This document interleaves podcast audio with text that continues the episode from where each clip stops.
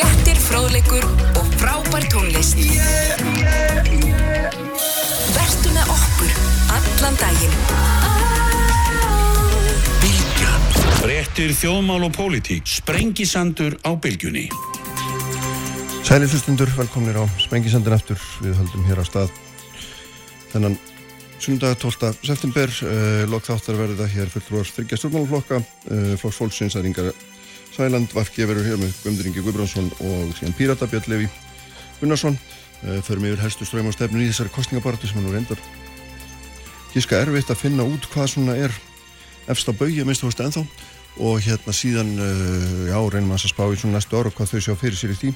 Uh, Tómas Guðbjörnsson, skurleikni verður hér líka tölum þá um heilbriðiskerfið hann er skiliku talsmaður, heilbriðistalsmanna á því sviði og hérna heyrum við honum um hvernig hann líst á þeirra umræðir sem er í gangi. Þetta er auðvitað eitt af þeim málum sem mest hafa verið til umræði ekki bara núna heldur síðustu mörg árin og hérna sínist nú sitt hverjum um það hvernig gengið hefur að, að vinda ofan af þeim vandamálum sem að það eru innan dyra. En ég ætla að byrja hér auðvitað á þessum sögufræða degi sem var nú reyndar í gær 20 ára 20 ári í gær frá því að ára sem var gerð á tvíbaraturnana í New York með afleðingu sem er svo sem sumi segja að lifi enn með okkur. Björn Bjarnarsson fyrir handur áþur og Kristján Gæi Börgis sérfræðingur í alþjóðamálum eru hérna hjá mér. Sælur og blessaður, velkomnis Takk, takk. Við dættum við huga, við myndum kannski byrja hérna, Björn, þú vilt byrja, hvar, hvar varstu? Manstu það þegar þú varst hérna, fréttir að þessu fyrst? Ég var úr alþingishúsinu upp í mentamannráðuniti, ég var mentamannráður á þessum tíma. En ég átti fjölskyldu þá í New York uh, á Manhattan, þannig að mér var nú hugsað til þeirra, Já. átti í spilið þarna þennan dag. En uh, Manhattan er nú löng, þannig að þau uh, urðu ekki beint verfið þetta þegar atbyrjutin gerðist held ég, en, en síðan náttúrulega var allur heimurinn agdof yfir þess að gerðist. já, já. Gerður þið strax grein fyrir því að fannst þér svona eftir á higgja að þú áttaði fljótaði hvað, Ég, hvers, hvers slags þetta geti verið? Það vissi náttúrulega enginn hvað þarna var um að vera og, og þegar maður horfði á þetta í gær minningar aðtapnunar að þá sér maður að þegar þeir þessi 40 sem uh, réðust á flugstjóran í vélinni sem var líklega á leið til Washington að þeir náttúrulega kannski kom í veg fyrir gífulega mikið mannfall með því að, að, að vélinn hrapaði til jarðar eða Já, já. hvernig, hvað sem gerðist.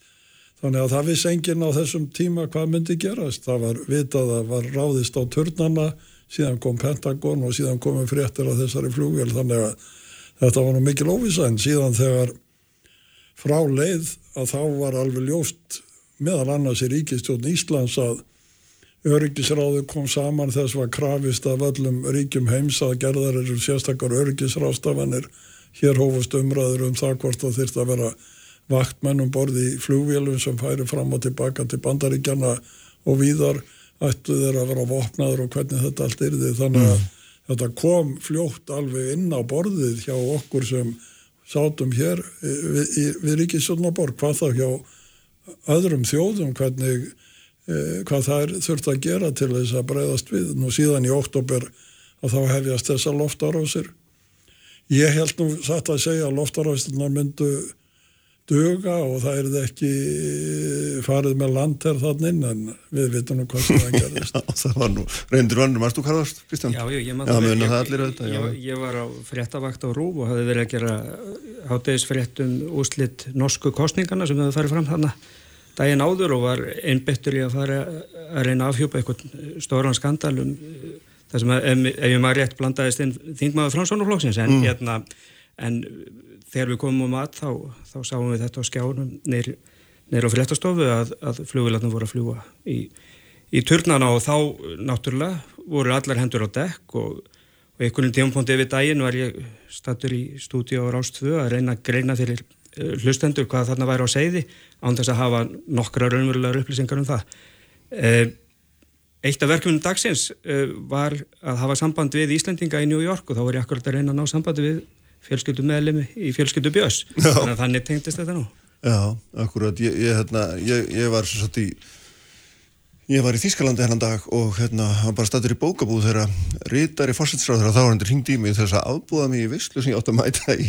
Og ég sagði, nú, er eitthvað á segði og þá sáðum við frá því að það var að gera þess að stórfældur hriðverka ára á bandaríkin og þá hlupum við út fundum lítið svarkvít sjónvarp í einhverju sjoppu þar sem að fólk hafi sapnað saman út á götu til þess að og ungir þjóðverðar voru mjög hérna, óttaslegni, mann heyrði allstað setninguna gipti sér eitt skrík, verður stríð, verður stríð það var það. Og svo flögum við til Íslandsdægin eftir frá Frankúrt og ég held við höfum svona verið um það byrja eini í vélinni og því hún átti að taka farþega áfram til bandaríkina, það var engin á flugvöldinum það var eins og grafísi, mjög sérstök stemning. Það var líka mjög erfitt að átta að sjá því hvað þarna var að gerast og ég mann þegar ég sitt alltaf í stúdíun á, á rástöðu þá koma fréttaskeitu um að það hafi verið tilræði við, við þinghúsið í bandaríkjunum sem reyndist í hann eh, ekki hafa verið þannig að það voru alls konar fréttir á, á, á sveimi en, hérna, en bara uh, þetta, er, þetta voru svo uh, gríðarleir atbyrðir, þetta var svo, svo ótrúlega stórt að það vita allir cirka hver þið voru. Þetta er svona svolítið gott Þetta er svo stór atbyrður að menn bara þekkjan með tölvastónu nýja. Það er ekki hægt að íla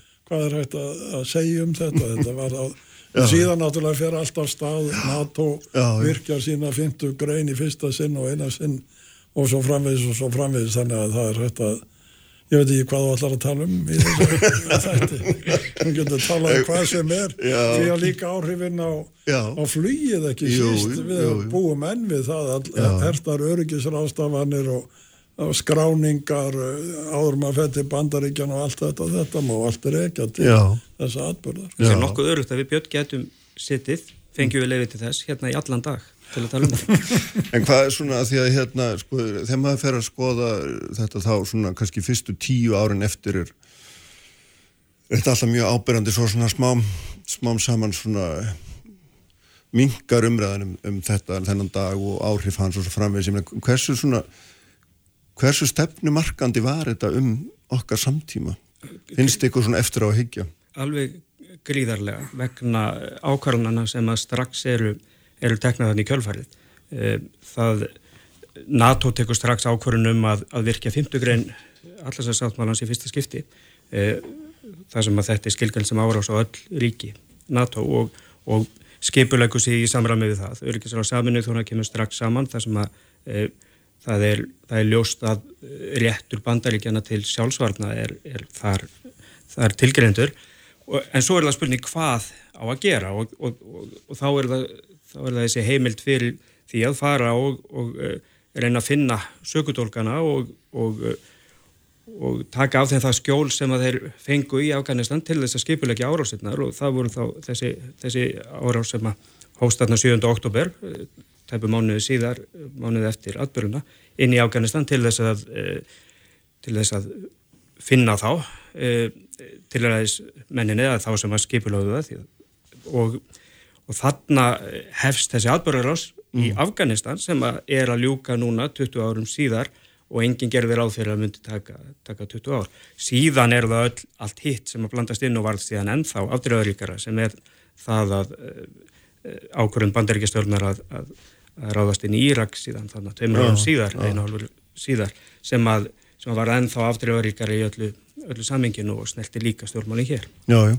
Hvað segir þú Björn, svona að þú horfir þessi 20 ári? Ég lítur á þetta svona í samhengi og þá sér maður að frá áratugin og undan að þá voru NATO-ríkin og bandaríkin og bandaríkin voru nokkur einráð í heiminum á þessum tíma. Að það var Balkanstríðið og það var við Persaflóa og og þeir komast upp með það sem þeir, þeir vildum á segja. Það var ekkert mótvægi sérstakt uh, gegn þeim og síðan gerist þetta og uh, þá töldum við sér trúum að það ætti að halda úti herabláð þann veg að hafa hann í fjarlægun löndun til að stilla til fríðar og, og hafa terrorista í, í, halda þeim í skefjum. Og það er ekki bara NATO sem fyrir að skipulegja uh, varnarkerfi sitt þannig að það haldi úti herabli í erlendum eða í fjarlægum löndum utan NATO-svæðisins. Við sjáum til dæmis eins og svíjar að svíjar lögðu niður sínar varnir meir og minna 90% og held úti herabla í, í fjarlægum löndum til þess að gæta öryggisins að þeir töldu að, að það væri besta leiðin til þess að, að tryggja öryggisvíþjóðar að koma í veg fyrir að erða átök á fjarlægum svæðum. Mm. Síðan, það sem gerir síðan og það er gerð þessi árás á Afganistan og síðan farið inn í Írak eh, þetta Putin kemst til valda 2001 og, og enginn vissi hvað í honum bjó í, í sjálfu sér og síðan þróast þetta þannig að eh, kemur nýr fósett í Kína 2012 og síðan eh, gerast atbyrðinir í Úkrænu 2014 og þá fer NATO að draga uh, aðrar áleiktanir um öryggismálinu og segir við verum að byggja upp varnir, heimavarnir, við verum að byggja upp varnir á okkar eigin svæði og ef ég tek áfram svíþóðsum dæmi mm. Að þá er náttúrulega alveg ótrúlegt að fylgjast með þeim breytingum sem örðu á varnarkerfi svíja og nú er útgjöld þeirra að aukast til herrmála um 85% af því að þeir eru að, að tryggja eigin varnir. Þeir rifu niður allar almannavarnir, þeir eru að byggja það upp að nýju. Eina Norðurlandaríki sem uh, eh, hjælt svona sinni gamlu stöðu eru finnar og þeir að því að þeir hafa landamæri og reynslu af samskiptum austur og bógin. Mm. Þessar breytingar allar eru náttúrulega mjög lýsandi fyrir það hvernig með lit á heiminn 2001 og hvað síðan hefur gerst. Varnaliði fer hérðan 2006, það var talið og það leikja fyrir skjöl sem sína að, að bandaríkjaman þegar var spurt akkur er það að fara með varnaliði frá Íslandi af því að já, við erum í bandarlagi við rúsa, við erum bandamenn, við erum búin að stopna sérstaklega samstarfsráð við rúsa í NATO og við ætlum að starfa með þeim. Því sjáuð hvernig á að, að, að hvað, hvað ánga viltu reykja síðan, síðan koma loslagsbreytingarnar sem gjör breyta allar norðurslóðum og nú er staðan þannig að bandarækjamennir hafa komið tilbaka spurningin hvað kynverðar er að sækja fram og hvað mm. þessi fósiti Kína getur gengið langt og svo framvis og hvaða áhrif hefur brottflutningurinn í Afganistan á rúsa og kynverða við veitum hvaða áhrif hann hefur hér. Við talum með það að bandaríkjamennum sé kannski ekki treystandi og bandaríkjamenn er í sárum Já. og leggja áherslu á það núna þeir verða að standa saman eftir þessa, þessa niðurlengu eða hvað sem er kvöldun það. Vissum náttúrulega allir að hlita að fara en hvernig það er að vissum en ekki. Þannig að þetta er þetta er náttúrulega þetta er það sem er gerðist við brottfyrir núr Afganistan er, er núna það sem við stöndum fram með fyrir og svo sögulega uh, staðrind sem við verðum að taka mið af hitt er svona hluti af, af, af sögunni sem við getum líka þetta lært af. En hvernig allar rúsar að breyðast við? Þetta er allt við landamæri rúsa eða vinaríkja þeirra og kynna og kínverjar er, í vandraði með úígúra þarna og í nágrannu hvað áhrif hefur þetta allt svo staða sem við erum í núna Já, það er stóra mikil spurning og því hann er náttúrulega líka fyrir utan þessar svona stórpolítísku reyfingar þá er þetta líka bara menningarlegar áreistrar því að hérna, ég held að sjá að segja að það sé eina stóra afleggingunum að þessu eru, eru þessar svona menningarlegu deilur milli uh, ríkja miðustalandana og, og svona vestuveldana. Sko þegar, þegar árásinni gerð þarna 11. september þá er, þá er hún skipulöð af, af hriðjörka samtökunum Al-Qaida sem, eh, sem leita á Osama bin Laden og og njóta skjóls hjá talibunum í samkvæmulegi við þá í, í Afganistan.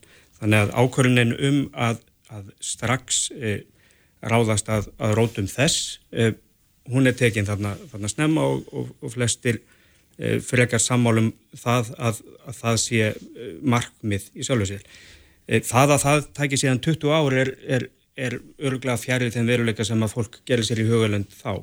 E, En það var líka vegna þess að, að, að bandaríkinn gerði ekki bara það, heldur lísti yfir allsherjastriði gegn hriðiverku. Og það hefur verið eitthvað kostnæðasamast að aðgerð sem að nokkuð tíman hefur verið farið í, mm. bæði út frá fjármunum og síðan manntjóni. Ef þú tekur mannfall almenna borgara í Afganistan og, og setna í Írak þá er það í, í, í miklum hæðum. Ég svo ástæður tölum að stríðið Afganistan og Írak hefði sannlega kosta 8 triljónir dala, ég veit ekki eins og nýtt Það er tala sem er ekki hægt að ná utan og sko. miljón mannslið minnstakosti og það veit enginn hvað þetta er. Nei, En, en þarna líka sko, en þarna fara menn svolítið út af spórinu að, að bústjórnin í staðin fyrir að reyna að, að ljúka þeim markmiðum sem hún, sem hún ætlaði sér í, í Afganistan.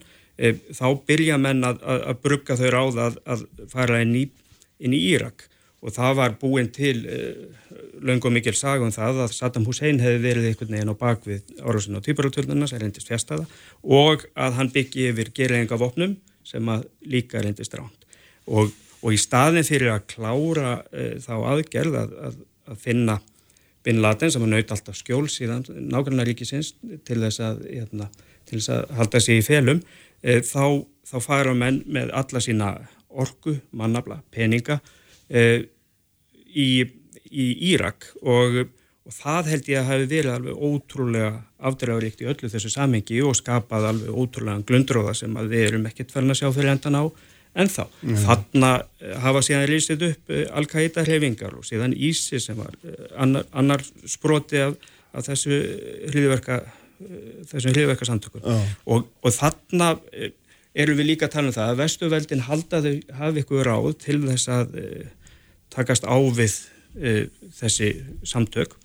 En allir heimsins peningar og allir heimsins herafli hann er vel ekki döga til.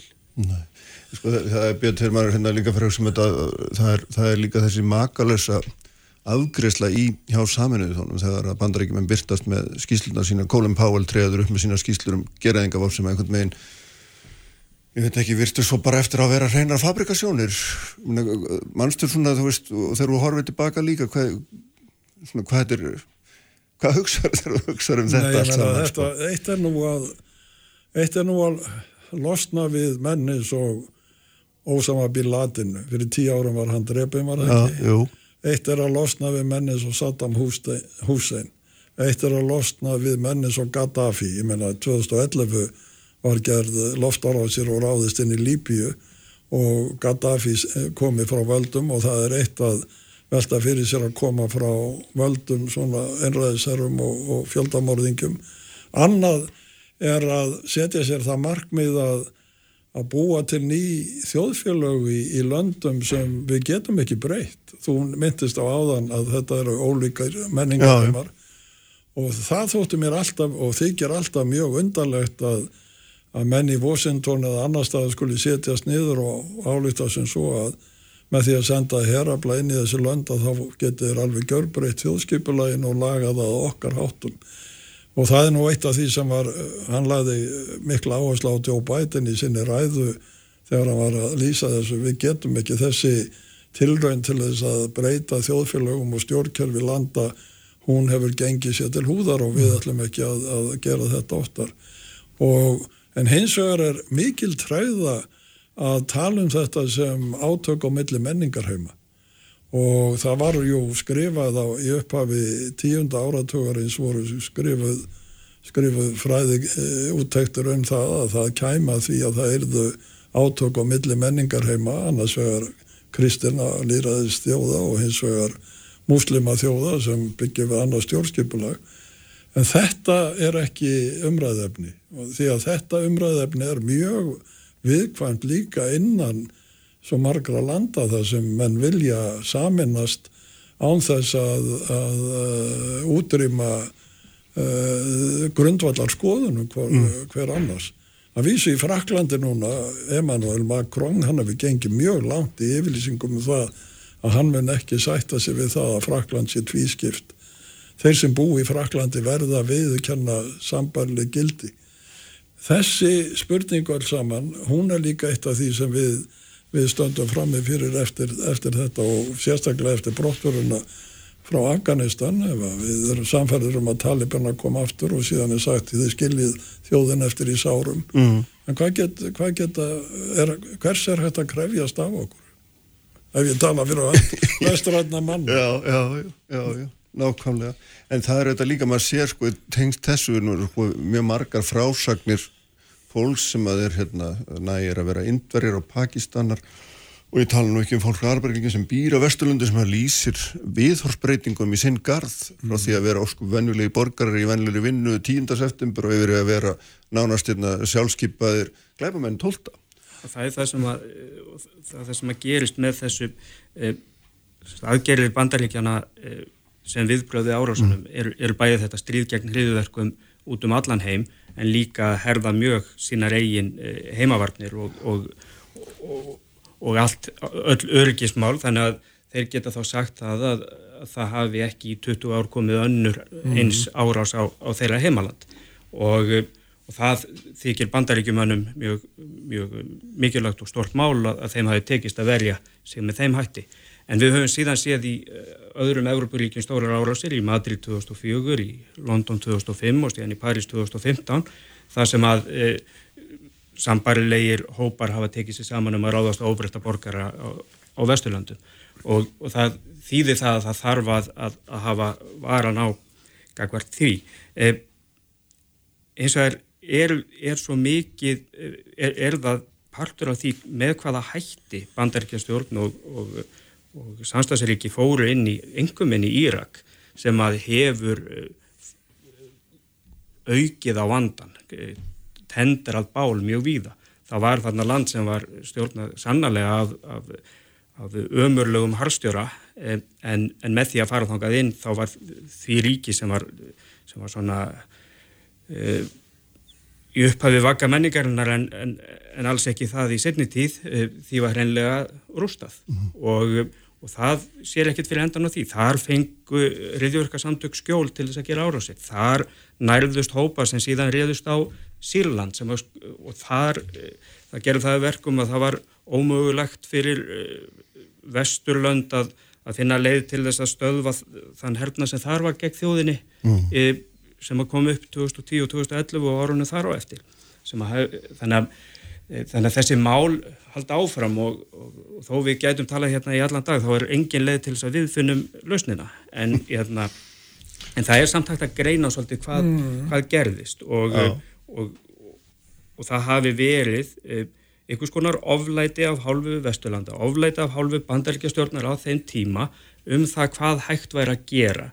Og stuðningurinn sem að e, þáverandi fósiti og þáverandi ríkistjórn George Bush og hans stjórn fengu út af árásinu og tvíbaráturnina eh, það, svo góðvild var nótu til þess að fara með hernaði bísna víða sem að hefur haft þessar eh, afleðingar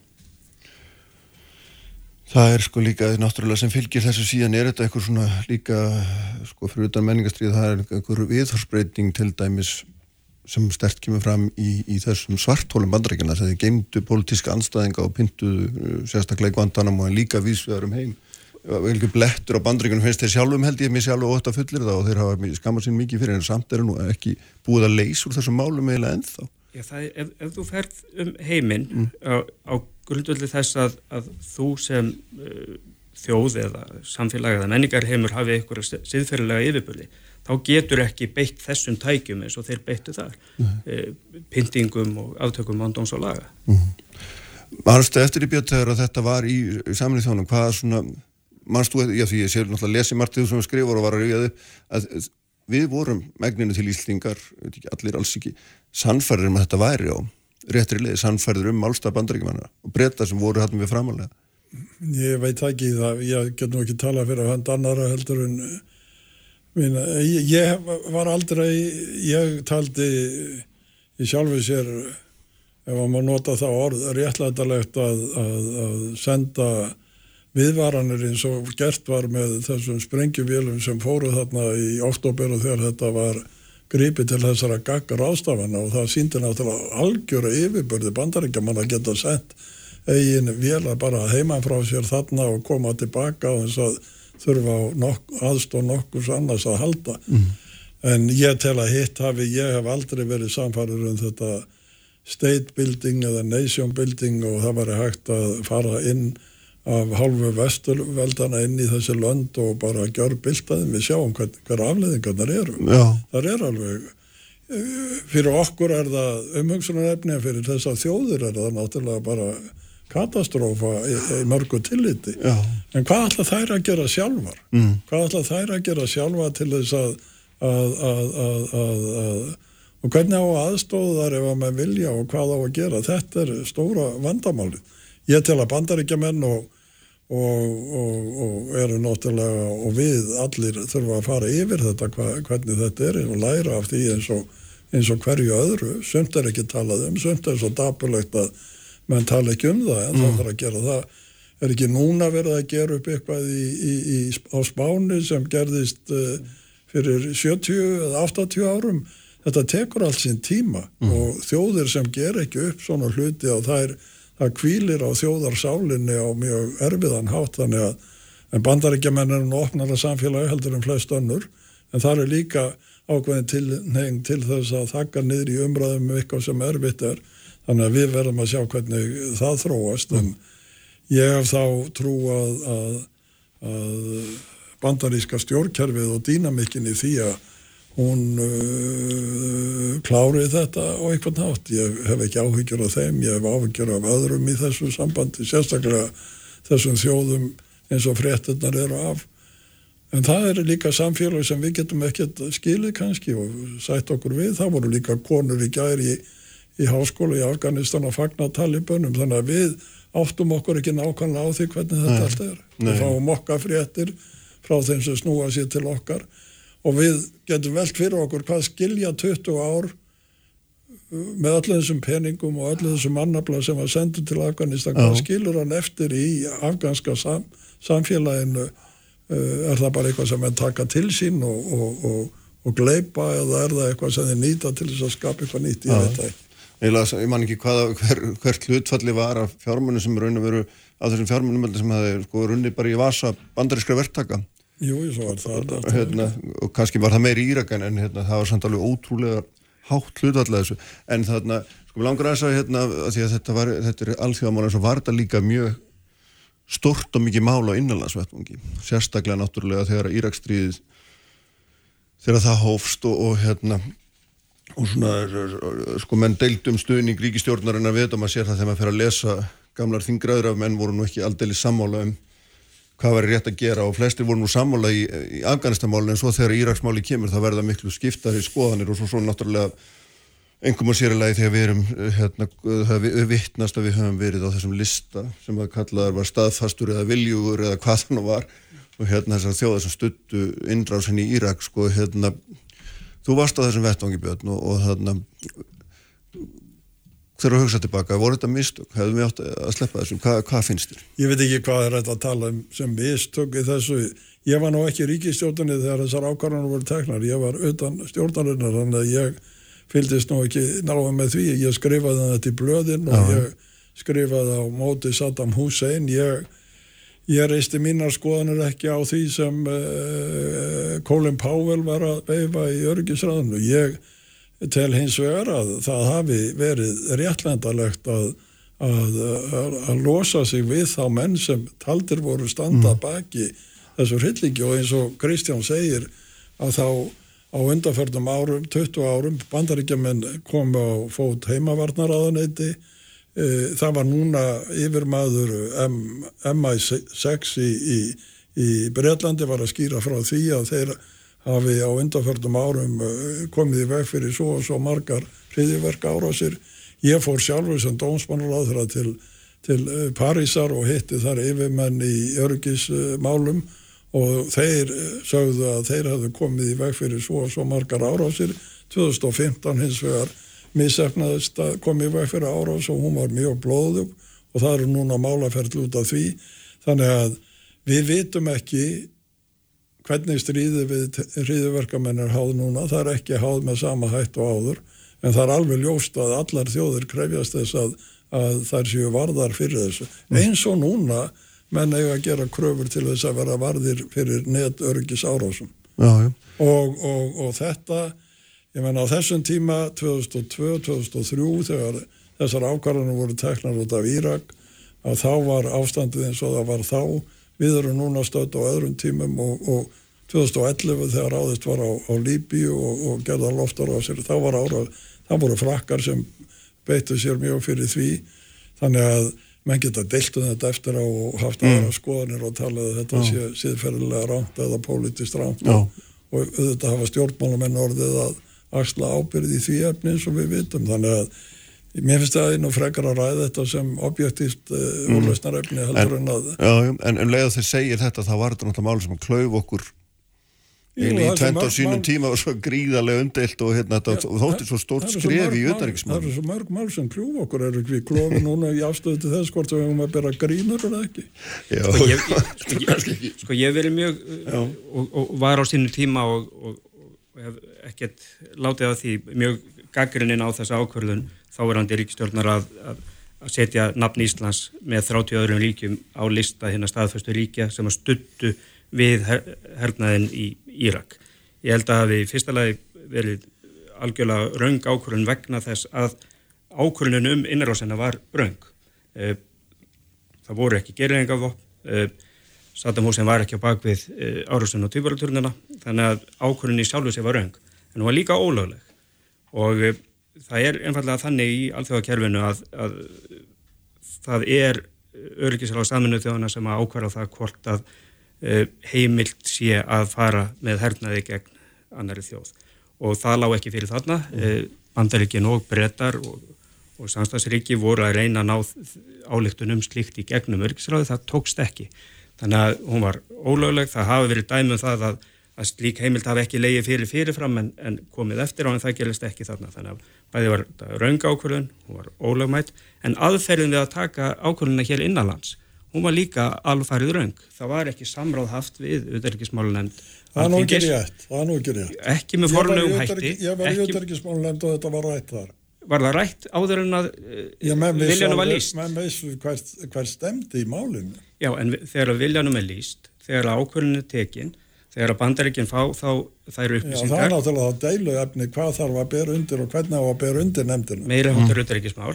Já, en ég menna hvernig á að gera það? Á að beðja skriflegt skriflega bókunum að afstæðan sér þess að já, í það minnst að hafa uh, formlegt samráð áður en að uh, ákvörðinu tekin já, já, og helst hefði þurft að ræða máli í þingsal, ekki bara að ríkistofnarflokkandir hefur vélaðan þetta, þetta sjálfur. Það er náttúrulega þingmænsar á því hvað tekjaður upp í þingsal. Mm -hmm. en, en, en, en og í fjórðalagi, ég ætlaði að segja í fjórðalagi, því að sko e, ástæðan fyrir því að Ísland vildi fara á listan var í, í e, til þess að sína bandaríkjumönnum að við værum staðföst vinaþjóð og og þá að framlengja veru varnarleysins ég sem að bandaríkjumunni höfðu haft áhuga á að fara með burt. Mm. Það tókst ekki því að varnarleið var farið þrjá ára síðar. Já, hérna því þetta er eitt af því sem að finnur strax sem við erum að skoða þetta, það eru deilur um það formið, að, hérna, Haldur Áskinsson, auðvitaðingisráður að saði um afganstríði að það væri augljóslega ákvörnum sem þýrt að beru undir auðvitaðingismálanend, en svo tveimur án síðar, eða hvaðan verð þá allt í hennu Er það óþarfi? Jú, jú, ég menna deil,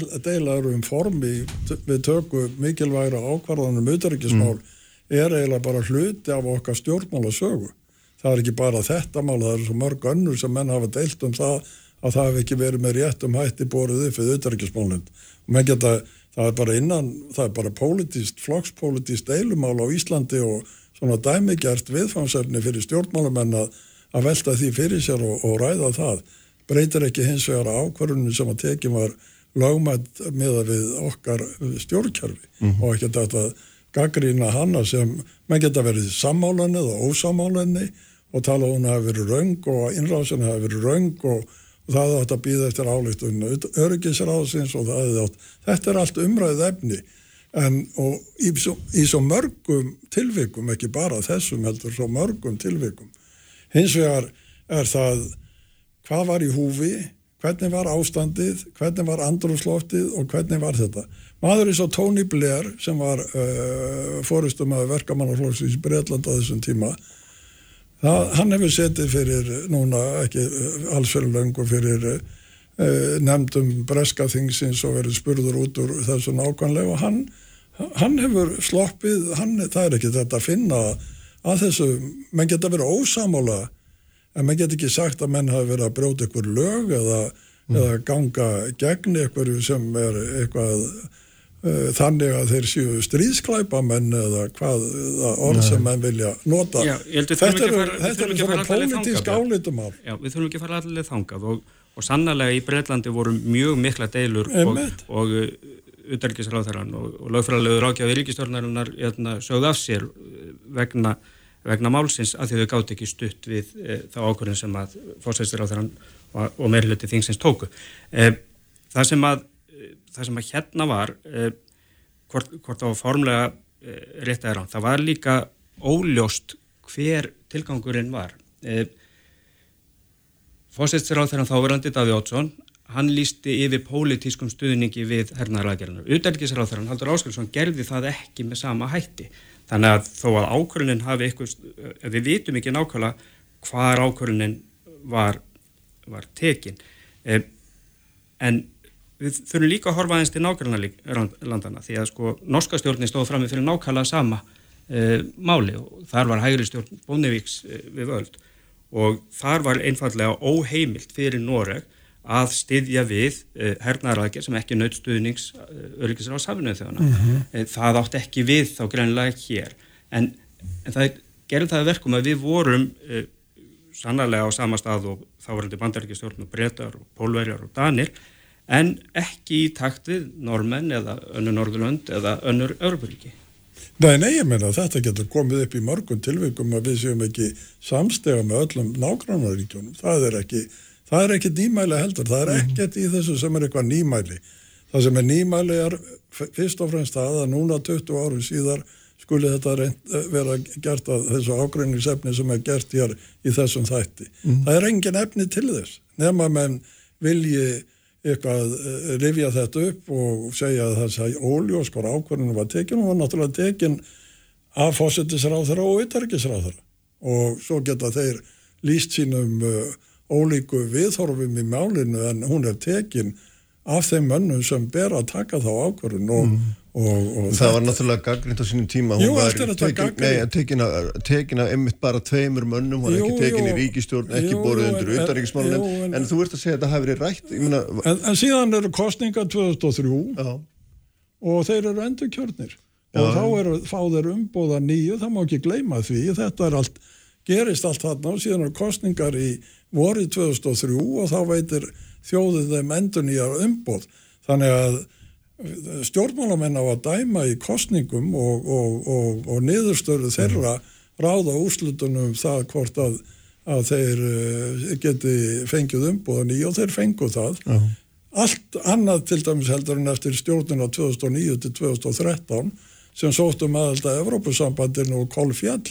Þannig að það er hægt að, að taka svona dæmi uh -huh. og velta þessu fyrir sér en síðan hver er eh, loka dómarinn? Loka dómarannir í þessu efni eru kjósendur og mm. þeir veittu þessum flokkum, framsögnarflokkum og sjálfstæðarflokkum umbóð til þess að, að halda áfram sínu stjórnarsanstarfi 2003. Já, já. Er það ekki dómarinn sem við hefum að líta til? Jú, jú, en, en það hindrar okkur ekki að velta vöngu við málinu. Það er alveg sjálfsagt. Hérna, en, hérna, en, en sko að því að það er líka bæði þetta en síðan eru þetta tengslinn við sem Kristján var að nefna réttilega við hérna veru bandaríkja hersa á Íslandingum sem við já, höfum auðvitað þá um ára... Það ekki ég, mjög vel. Já, við höfum auðvitað um árabil þá verið einhvern veginn að berjast gegn tilneyingu þeirra til þess að fara, já, ekki? Já, ég held að það hafi ekki spilað inn í þetta. Held, það hafi ekki verið? Nei, ég held ekki. Ég held nei. að bandaríkja menn hafi tekið sína ákvarðanir alveg hend. Ég held að band, það sem ég fór yfir hérna í upphafi var þessi mismunandi strategíska sín og það kemur í ljós núna í öllum aðtugunum að bandaríkjaman og NATO komist að því að upp úr 2001 og eftir þeim árum 2004-2006 að það væri engin ástæði til þess að halda uppi sérstakum varnar aðgerðum á norður Allandsafi og það væri ekki rauk fyrir því, strategísk rauk fyrir því að halda þessu uh, uppi. Og þegar bandaríkjaman eru síðan í Írak og þá vantar e, þyrlur að þá er ákveðið að, að, að, að það voru hér fimm bandaríska þyrlur og það var eitthvað erfiðasta þátturinn í því fyrir okkur að brottsfjöld varnarliðsins var að hafa björgunar þyrlur í landinu sem kæmi í staðan fyrir þessa bandarísku. Þeir traka þetta út 2006, tilkynnaðum voru að fara í september og við þurftum á árinu 2006 að endur skipilegja gæsluna mm -hmm. og, og fjölg okkar þyrlum. Þetta, en síðan núna að þá segja þeir allir, ég hef farið til Washington og ég hef farið við og þá segja þeir allir Þetta var mistök, þetta var of, við vorum of skamsýnir og við gerðum, við mhm. tókum ranga ákvarðun á þessum tíma. En, með, er, með að við þróunum já, en, en, en þess að það er þitt maður að alls, þessi tveir atbyrður hafi ekki tengst. Ég er þeirra skoðanur að þeir tengdust ekki. Þeir tengdust hér í pólitískum umræðum en ég tel að að þeir hafa ekki tengst í, í mati bandaríkjana á þessu. En, en okkar mati sjálfra? Skrifum við undir þarna já, til þess að... Ég heyri hvað þú ert að segja núna. Nei, ég er að spyrja þig. Það er greinlega þú telur það svo sé og Kristján telur líka en ég er ekki... Nei, ég, ég, er, sko- ég er að forvittnast hjá það hvað þér finnst. Jú, en spurningarnar gangi út, út á það já. að svo hafi verið. En ég held að síðan nefnilega algjörlega fullt tilefni núna í tilefni á þessu 20 uh, árum frá þessari árás á bandaríkin mm -hmm. og, og við erum að horfa núna og höfum í þessum þætti verið að horfa á hvað hefur gæst síðan þetta er það afdrifaríkasta fyrir íslensku uh, stjórnmálaumræðuna það er þessi ákverðun uh, sem að þá var tekin að, mm. að leggja nafn Íslands við uh, mjög vafasama hernaðaraðgerð í fjarlæðu landi og, og það er fullt tilefni til þess að ræða það og ræða það hvort að, hvort að svo ákvörðun hafi verið rétt eða raung, hvort hún hafi byggt á tröstum grunni, hvort hún hafi verið rétt tekin og í hvaða tilgangun hafi verið tekin og, og, og ég heyri hvað Björn segir að hann telur að það hafi ekki verið gert til þess að vera e, í, í, í einhvers konar samflóti með bandaríkjunum vegna þess hversu mikið í mun þávarandi stjórnvöldum var að halda e, fjórum þótum og fimm þyrlum áfram á kemlauguflöðli. Ég eh, hef þá skoðun og við getum, eh, ef við fengjum til þessi rými, talað lengi um það, að, að samningatekni íslensku, íslensku stjórnvalda gagvat bandaríkjunum hafi alls ekki verið góð. Að það hafi ekki verið rétt farið í það að, að hugsa hvað þarf Ísland. Hvers konar viðbúnað, eða hvers konar samstarf viljum við hafa við bandaríkinn. Og svo þurfum við líka að komast í það að fara að tala um samstarf, samband Íslands og bandaríkjana víðar en bara á hernalögu tilliti. Við eigum að taka mjög opið og Björn nefndi það nú hérna fyrir þættinum að það eru loslasbreytingarna sem eru aðkallandi. Bandaríkin eiga að vera okkar nánasta samstagsland á samt Európusambandinu og Európuríkjum e, í því hvernig við e, e, bregðumst við loslasbreytingum. Mm -hmm. Þetta er yfirli stefna núverandi bandaríkjafásetta að, að, að loslasmálinn munu lita allt alþjóðastarfið og, og ég held að að við verðum að komast út úr því að horfa bara á samband Íslands og bandaríkjana út frá e, gömlu varnastöðinni og út frá varnar og örgismálum. Þetta snýst um norðurslóðir, þetta snýst um viðskiptamál, þetta snýst um menningamál, þetta snýst um vísindi. Ferðamál, ekki minn. Ferðamál. Ferðu, alla ferðamennina. Algjörlega. Mm, mm. Og, og þannig eigum við að vera. Við eigum að vera svolítið opnar, svolítið meira að hugsa hvað, hvernig samband viljum við rækta, ekki, ekki alltaf hérna, verið varnastöðu gagvart því hvað menn í Pentagon eru að hugsa. Heri, Við töluðum ekkert um það upp á þetta en við getum settið þetta alltaf Já, þú ætlar að vera 30 mínutum ég finnst þú að vera búin að vera 50 mínutum Ég saði líka við ykkur upp að það var í skemmtilegi, þá vildi ég ekki slaka Þakk ykkur báðum fyrir að koma og hérna verið sérstaklega áhugaverðar umræður. Ég ætla að tala við Tómas Guðbjörnsson hérna lækni eftir augnablík Kraftmikil umræða alla sunnudasmórna Sprengisandur á bylgjunni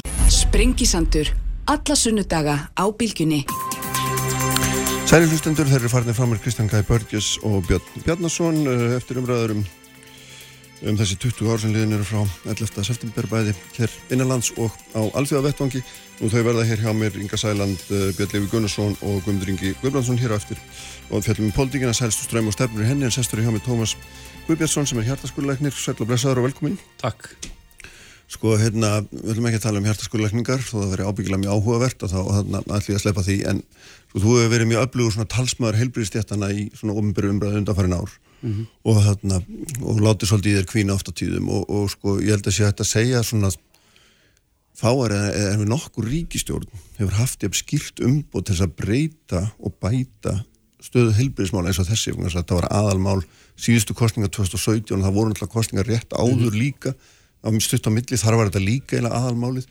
Og nú svona langar mig að fá bara þitt álit sem svona manns á gólfinum Já, hva, hva, hva, svona, hvernig finnst þér að hafa tekist til? Jú, það, það er alveg margt sem að eh, hefur þokast í rétt átt en, en svona heilt yfir er þetta ákveðin vambri að við séum alltaf fyrir kostningar að tala um sömu hluti og ég tala ekki um í kjölfar svona og í kjölfar bara með að við erum enþá í þessari, þessum COVID stormi eh, þó að hérna, það hafi lægt aðeins þar.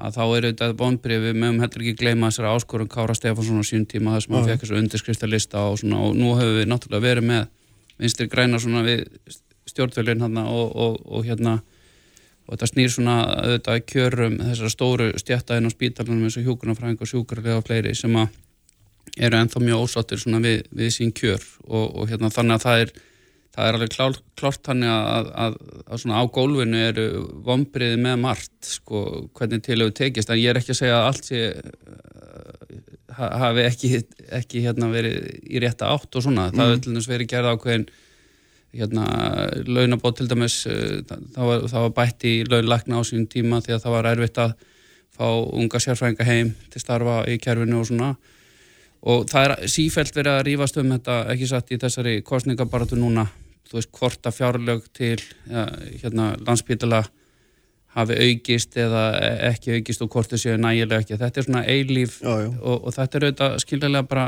erfitt viðfáðsefni fyrir stjórnmálamenn vegna þess að, að fjárþörfin hún ekst ju alltaf á hverju einasta ári bara út á öldurum þjóðarinnar mm.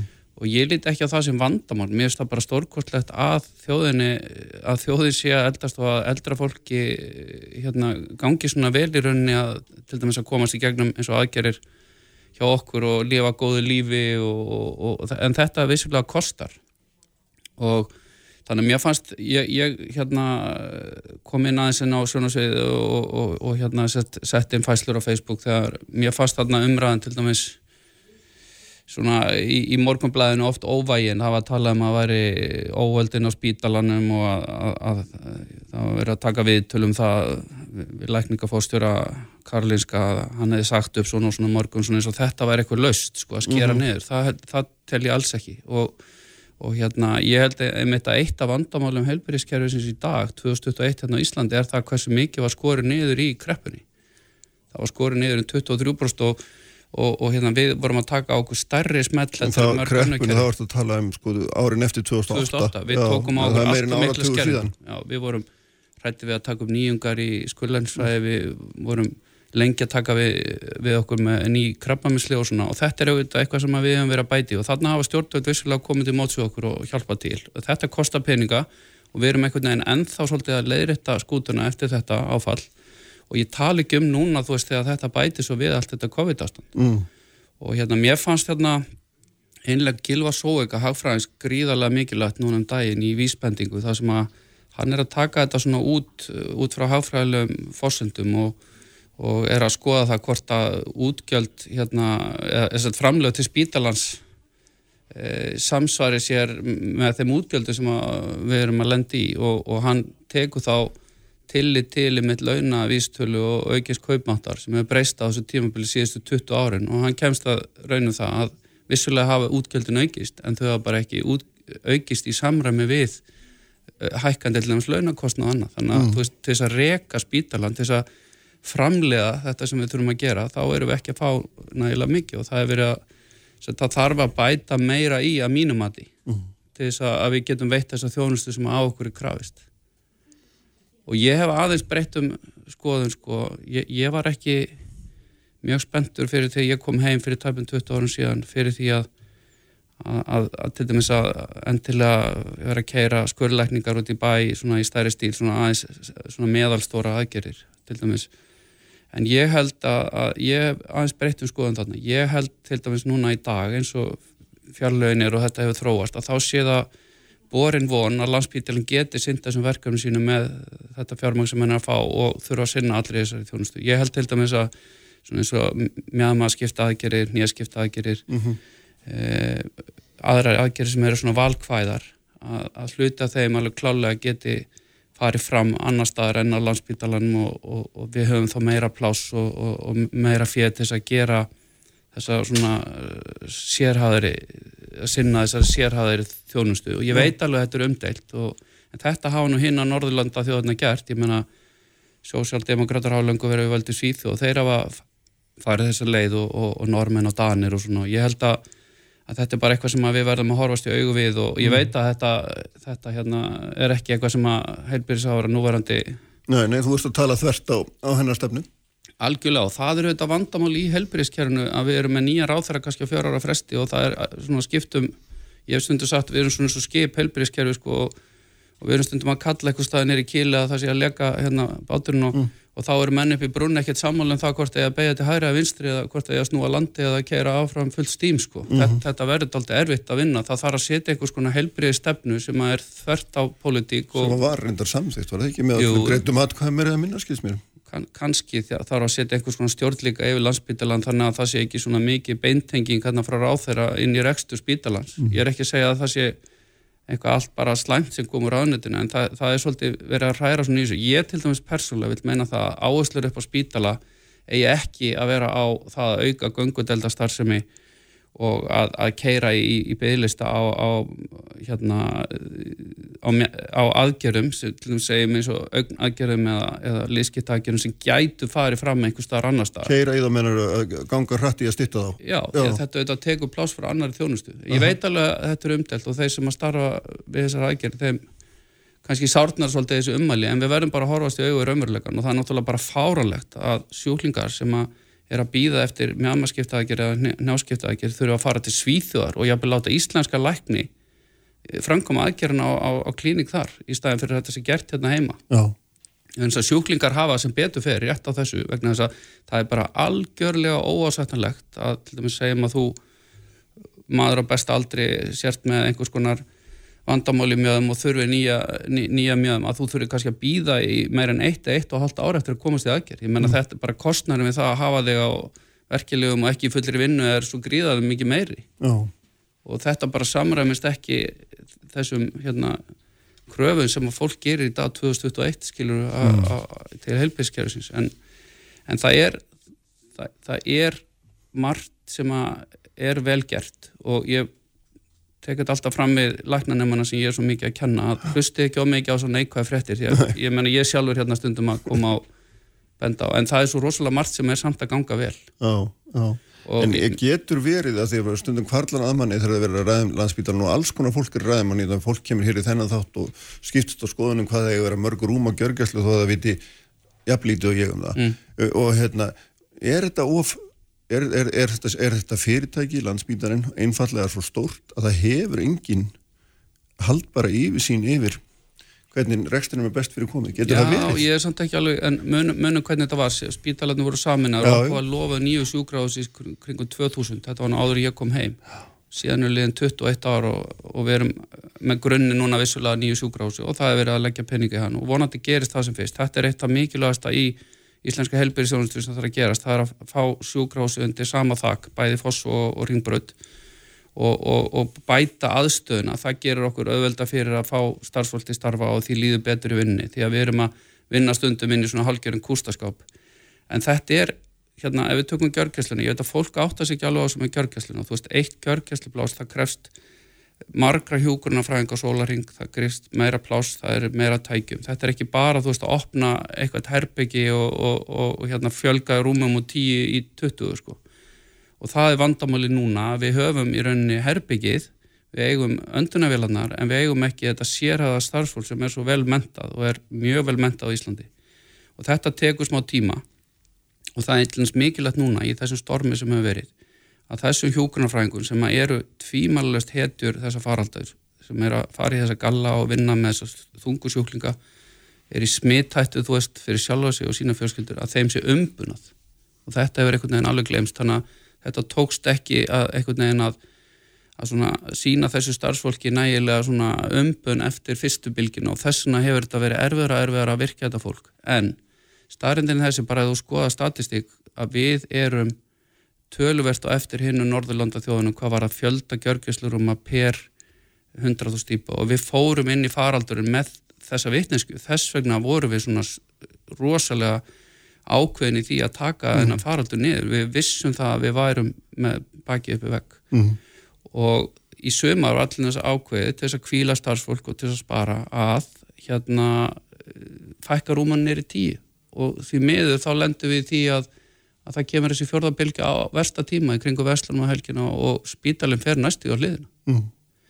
og hérna, en þetta snýr ekki bara gjörgjuslir í mánum því að við erum líka illa sett hvað var að fjölda rúma á spítalinn á landspítalinn í dag er kringu 660 rúm þeim er sára liti fjölgað á síðan tíu árum kannski 20-30 rúm og þarna eru við bara langt, langt á eftir. Við erum sko næstu haldrættingar á við sögum löndi og OECD, hvað var að fjölda rúma. En er ekki þróun sann sem að þú að menn liggi alltaf, fólk liggur skemur og skemur á spítulum og hérna og tækninu þannig að hérna Jú, há, og, og síðan ferður bara út í bæ, er, er, er, það, er það ekki bara eðlert þá að það sé ekki verið að ég spyr? Hárétt þér og, og áhersla maður auðvitað þessi að maður myndi efla gungudelda þjónustu og reyna að fá fólk meira að þú veist koma inn á sjúkrás og fara svo aftur heim saman dag og svona og þetta hefur alveg tekist að vissuleiti en fólki, hérna eldra fólki fjölgar og þessa spár um þessa þróum gangöldur þjónast þær voru ofmennar, þú veist við þurfum ennþá mikið af rúmum fyrir eldra fólk sérstaklega sem að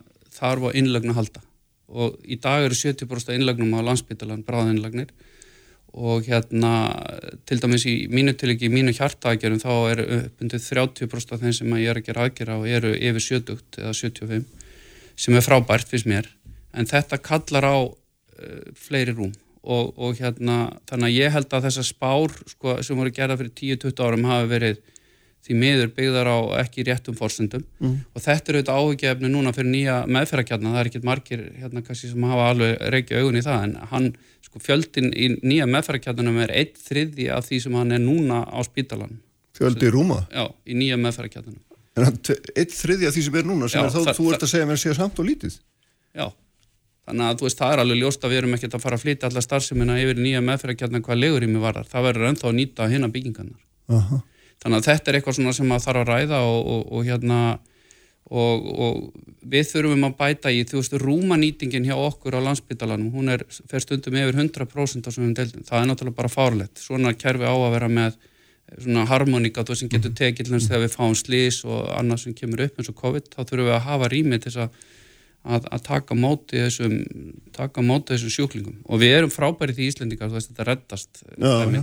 En sko þegar þú ert að lýsa þessu öllu og, hérna, og maður hlustar á stjórnmálumræði sem er, hérna, sem er svona kannski aðeins fyrir ofan þessi, þetta daglega amstur, ég minna, þá veldi maður þetta fyrir sér, myna, er, er þetta fyrirbriði spítalinn, er þetta vel reikið fyrirbriði, er, er hérna, er, erum við að gera hlutina rétt að náttúrulega sem að sér líka alltaf að suma stjettir hérna, þá er betra að vera í 50% stöð og taka auka eftir heldur en að vinna fulla vinnu. Og það er alls konar maður, svona, þú veist, utanfrá sér þá bara skilum maður ekki alveg Nei, það er alveg rétt, sko. en það, það, þetta eru frábæra spurningar en sko ég held að það sé eðlilegt að sá sem að eh, vil bæta sín laun, hann ráður sér kannski 50 og tækir þá aukavætti því að það er nóga þeim, það er svo mikið á aukavættum eins og deildinni hjá mér að, að þú veist, sem að mótna það vantar 2-3 hjókunarfræðingar bara sem manna stöðunar og hinn, hinn er þurfa að taka á sig aukavættin. Ég get alveg sagt þér það bara reynskilni að það er mjög fáir hjókunarfræðingar í dag sem að treysta þess að vera í 100% vinnu. Mm -hmm. Það er bara svo mikið álag og þá er betra að þú veist að minka við sig og geta þá tekið sér frí eða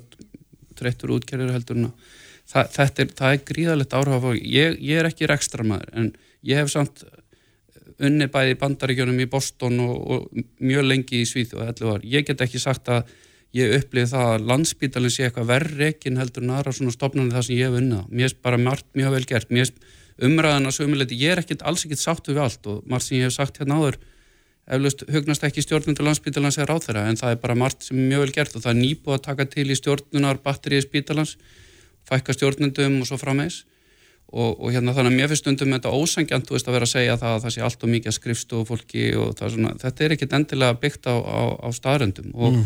umræðan verður líka að vera, vera sangjum og ég er samt ekki vafa með það Kristján, að það sé að taka til í eins og rekstri bara eins og öllum stórum fyrirtækjum. Ég menna var ekki verið að gagninu um daginn að lífeyrisjóðnir varu með svona og svona mikið eh, skrifstofufólki og rekstrakostnað og, og, og hérna þannig að þú veist, það, það er en, en það má alveg deilum það, þú veist spítalinn var samin ára sín tíma, það var gert til þess að setja undir, verið til þess ekki að keira tvær þákvarskurðildir í Reykjavík og reyna að samnýta tæki eins og jávendarskanna og allt þetta sem við erum að gera í dag. En það má alveg deilum það, hefði kannski verið heppilega að hafa tvö sjúgráð sem að væri í samkjafni eða hvort annað? Ég veit það ekki. En allavega það eru vonbriði að þetta hafi ekki komist lengra þessi sammenning mm. og, og að það skuli vera svona mikið óeiningir um landsbytana því að þegar ég var læknan nefnir unglæknir hérna heim á Íslandi þá var ástandi ekki svona það var miklu miklu meiri jákvæðni á gólfinu innan hús meiri svona sátt út í politíkina og það var allins aldrei neins spurningum það sem ungu læknir að maður kæmi heim aftur til starfa. Þetta er orðið svona meira eh, erfiðleikum bundi í dag allins að mm. samfara unga fólki um að koma heim því að það er frábært að vinna á Íslandi. Alltaf gaman að fara í vinnuna en ytri aðstæður eru oft erfiðar. Sjáðu bara Gjörgislanu ringbrot, það sem við erum að taka inn alla þessar sjúklinga eftir hjartaskurða það gerir og þessu stóru aðgera á kviðarúli. Við erum í húsi sem er að nálgast 90 árin sko, og veggirnir eru sko 1 metr á þygt, þú reyfir ekki þessa veggi til þess að koma í nýjum græjum og, nei, nei, nei, og, og, og hérna Bjarni pumpaði hans ágrunn daginn hérna, fjármálar á þeirra að, að við þyrftum nýja liftara og svona sko, það er óviða í, á Íslandi meiri svona framþróun í tækjabúnaði og, og svona nýhugsunan í helbreyðskerfunu og, og stafrana lausnir var einhver sem nefndi líkun daginn að vanta eitthvað slíkan í stjórn. Þetta er náttúrulega þannig er fólk líka tjási sem að bara þekkir ekki til inn á spítalan það er sko sögukerfin sem við erum með inn á spítala það er ekki allt sem virkar í þeim en þau eru þau eru mjög virk og við erum eiginlega hægt að nota pappir og það sem er sterkast í þessu að það er að koma hérna læknar frá Salgenska og Karolinska og annar starf og eru að vinna hérna með okkur og þeir eru bara mjög umbunarar af því hvernig þessi kerfi eru hér mm. á Íslandi. Mm -hmm.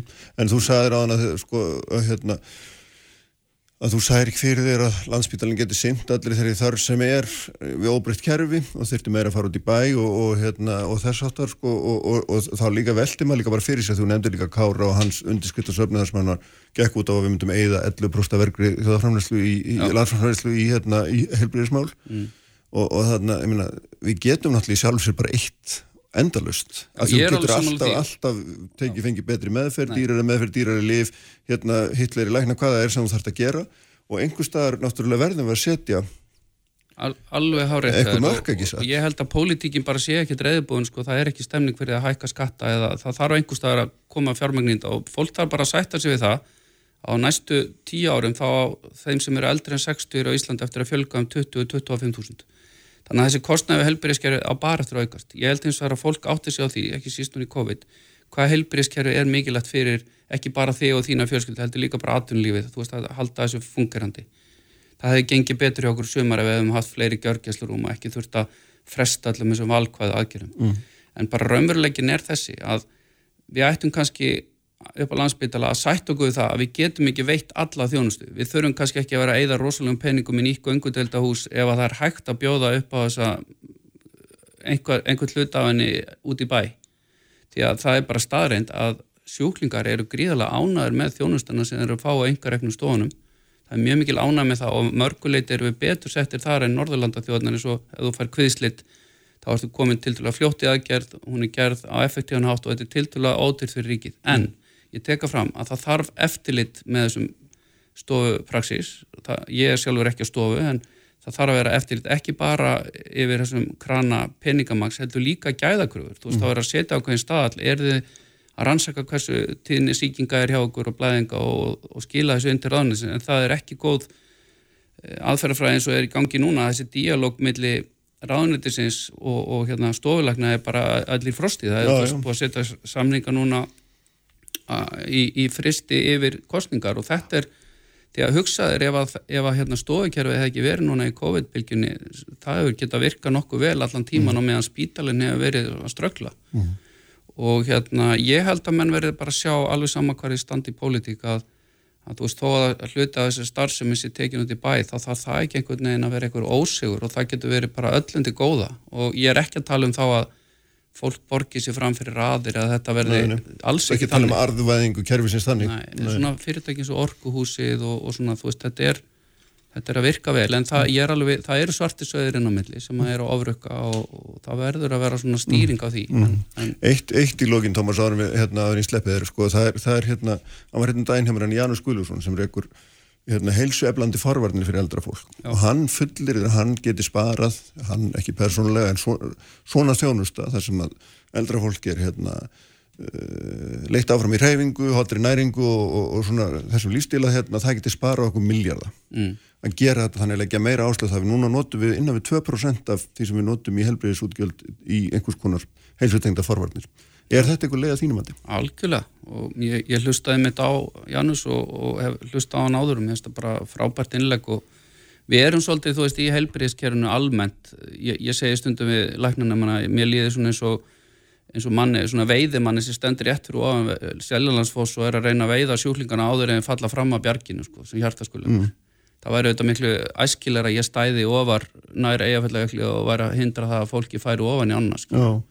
og það, það, þetta vantar alveg upp á hugsunna hérna á Íslandi að setja meira fjö í forvarni það teki mótili er ekki þannig og, og hérna þannig ég tek bara heilsugarandu það. En hins vegar eigum við Íslandikar auðvitað bara mikið sókna færi almennt, við erum með upplýsta þjóð sjáðu bara bólusetningar hlutvallið og okkur hefur tekist litur með að ná síkareturreikingu nýri 6-7% í fullunum, þetta er bara algjörlega geggjað sko og svo erum við með tiltvöla aðeins yngri þjóð heldur en nákvæmlega þannig að og, og við höfum ákveð fórskot þar en það, það réttlætir ekki það að við sem er helmingi færir í legurum skilur á landsbytala heldur en þjóðunar en, en, en það er ekkit eðlilegt finnst mér að, að þjónust á Íslandi eins og hjartaskurð aðgerð kosti jafn mikið hér og í Lundi í Svíþjóð eða Kvöpmanna vegna þess að við erum miklu færi, ég menna það er dýrar eitthvað óperu það er dýrar að, að reyka útvarp það er dýrar að gera alltaf því við erum til til að fá. En, en við verðum að átt á því hvað er mikilvægt fyrir okkur að hafa þessar þjónustöðuna heima. Ég segi alltaf 200 eða 300 manna þjóð sem að er að bjóða upp á hjartagir, heilagir og allt þetta, það er ekkit sjálfgeð ef þú kemur til færi eða grannlands, það er ekki bóðið upp á þessu þjónustu. Og hérna þetta þykir útlendingum bara mjög skrítið.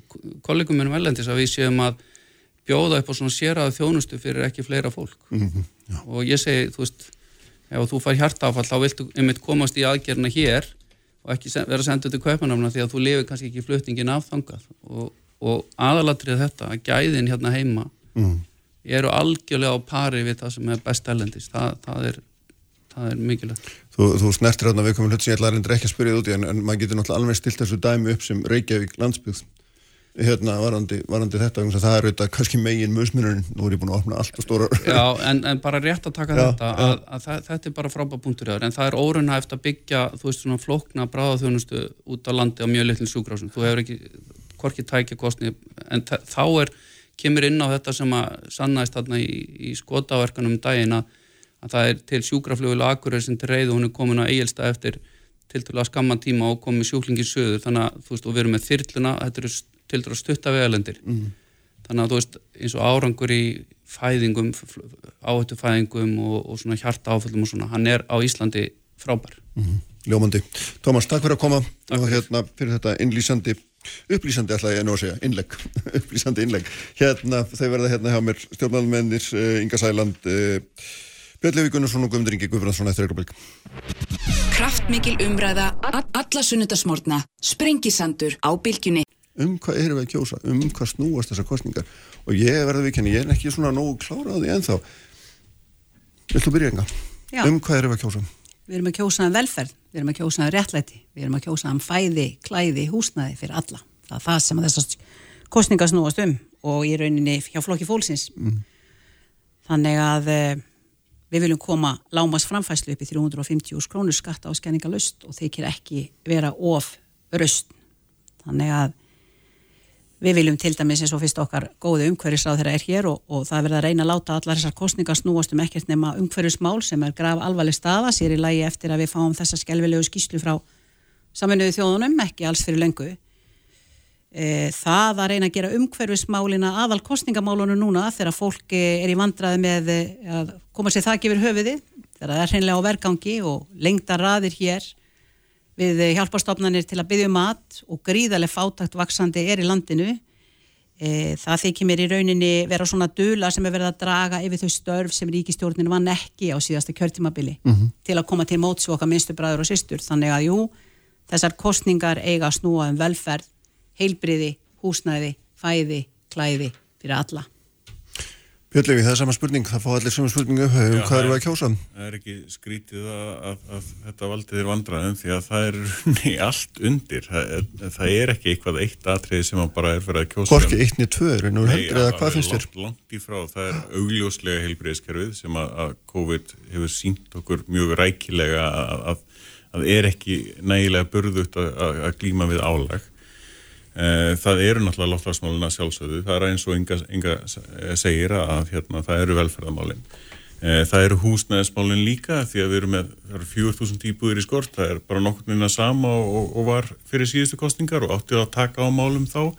Þetta, þetta er gegnum ganga, við erum ennþá að sjá spillingamálinn inn í, í stjórnmálunum, við erum ennþá með, með sama kótakerfi, við erum ennþá ekki komið nýja, nýja stjórnanskrá, mm -hmm. við erum ekki ennþá að, að, að taka skrefin inn í bara þessa öld eiginlega, við erum aldrei þar það verður að segja, við viljum að fá Ísland 2.0, það er eitthvað veist, það, það er tekni fyrir bara eins og við sáum um síðustu aldamót en ekki, ja, hver, hvernig, hvernig, hvernig myndur þú svona kjarna þetta í kostninga myndi, þú veist ef maður stendur fyrir framann hvað, hvað mjög, maður að gera, ég veit þú myndir segja að kjósa píratæðin, ég er ekki að tala um það beinli Nei, nei, það segir þeim öllum að kjósa flokk Það er bara, það er mjög góð opbending myndi ég segja. Það ekki það Já, Guðurinn geta líka kjósa flokk það voru mjög skýr verkefni fyrir síðustu kostningar, það var heilbriðskerfið, það voru innvið uppbygging og svo framvegins mm. við erum ennþá í þeim atriðum, það eru stór uh, viðfangsefni, en það hefur bara best við síðan þá og við þurfum að geta gert meira heldur en bara eitthvað eitt og það er búið að vera uh, líkill eða svona svona sviðsmyndin undanfarið rú, rúmt ár að COVID hefur yfirgneft allt og að vissuleiti skiljanlega en við þurfum að geta gert meira en eitthvað bara eitt. Það er heldur líkillin. Ok, Helstu málin, já, Já. ég, ég sam, já? sammála því að sko um, kostningarnar er að snúast um svo miklu fleiri en eitthvað eitt og kannski sem betur fer vegna þess að lífið er ekki svo einfalt að það sé eitthvað eitt sem við erum að vera að takast á við eða samfélagsgerðin ekki svo einföld. Og ég held reyndar að eh, sem betur fer hefur áhugi og, og þáttaka í umræðu um margvísleg málefni aukist á undanförnum árum en það eru kannski fleiri og fleiri hópar sem eru með kannski svona eitt eða tvö málefni á dagskrá og ég held að það gerir það líka verkum að þessi málefni þau komast á dagskrá þó svo að fólk sé ekki endilega binda trússitt við sérstaka stjórnmálaflokka. Og þetta er ekki endilega neikvætt heldur jákvætt að, um, að þáttaka fólks í samfélagin í líðræðisleiri umræðu sé meiri. En ég held að stóru málin eru uh, loftlasmál og ég er ekki sammálinn í yngu að við hefum ekki að horfa til þeirra vegna þau eru Ég stærsta sagði það aldrei, ég það aldrei, úr ég, ég tek þetta alveg Já. innilega tilbaka Bara eins nýkomin úr flýju og hálfur reglaður Já, ég heyri það. Já, hérna að við eigum að en þú sagðir að við ættum að leggja meiri áherslu á aðra þætti, en ég held að við höfum einmitt að leggja mjög mikla áherslu á loslasmálin vegna þess að það er stærsta velferðar og efnahagsmál 21. aldarinnar ef að við náum ekki að snúa við kursi þar þá höfum við ekki í rauninni e, þau tæki og tól til þess að geta haldið uppi efnahagslegri e, velferð. Þannig að það er alveg líki latri í mínum huga. Svo tek ég bara undir með yngu að velferðamálin eru risa stór pakki og eitthvað sem við þurfum að halda áfram að gera vel í. E, síðan nefndi Björn Levi hérna að það er margt sem að hefði verið rætt fyrir síðustu kostningar og margt væri komið í gang en væri enn margt áunnið og margt nýtt komið inn og það er akkurat málið. Auðvitað eru tímarnir líka að breytast. Þú breytir ekki öll á fjórum árum. Til dæmis ef við tökum helbreyðiskerfið. Að þá er það eitthvað sem þú þart lengri tíma til þess að e, ná því á þann stað sem allavega við í VFG myndum verða ánæðir með. En við teljum að það hefur mjög margt hins vegar verið gert og fæst í rétta átt. Hva, hvað þá helst, eða Já, það, byggjastefnir eða hvað, það hvað er búið að náttúrulega stórauka þáttöku í, í hérna, að, að- að minga gjaldtöku í helbreyðiskerfinu. Nei. Jú, Nei. jú, jú, jú, nei. jú, jú, jú, herri mikið- leiðum mér að klára. fundi á læknafélagum daginn þar sem að var Kæri mjög vinur. farið yfir það að, að dreifingin hefur vissilega breyst en heldar, Já, í heldin það- það- verið einhenda meiri gjöld. Það er, búið að, það er búið að draga og greiðslu þáttöku sjúklinga Bara á komugjöld, heilsugæslu það er komugjöldin og komugjöldunum. aðalega á heilsugæsluna. Og já, takk, við skulum ræða þetta bara saman. Það er búið að draga úr uh, þáttöku, það er búið að draga úr, úr hérna, þáttöku sjúklinga eldriborgar og öryrkja í tannlæknarkostnaði, búið að afnema það fyrir þessa hópa á heilsugæsluna. Það er búið að draga úr uh, hérna, þáttöku þeirra varandi hjálpartæki.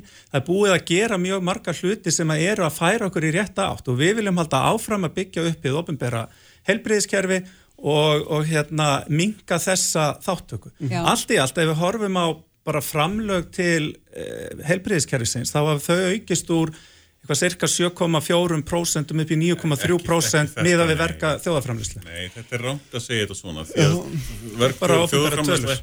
hefur lækkað út af, út af kreppinu þá er ekki hægt að nota þennan samanburð á neitt hátt. Þegar maður telur bara, þegar maður telur krónunar maður fyrir- maður- maður krónunar og, og sér að þetta eru 20 og eitthvað miljardar þarna á milli. Já, já. en þeir eru að fara í steipu steipu sem áttu að vera búið að byrja að byggja fyrir 20 árum Það er ekki síðan. Já, það er ekki, það er, það er ekki hóla vafki þarna að kenna, vafki þú setti það hérna á, á oddin að og- byggja nýjan spítala, við skulum bara te- fyrir maður það. telur allar þessar krónur saman hvert það eru að fara og það er vel flest í miklu aðgerður og svo frá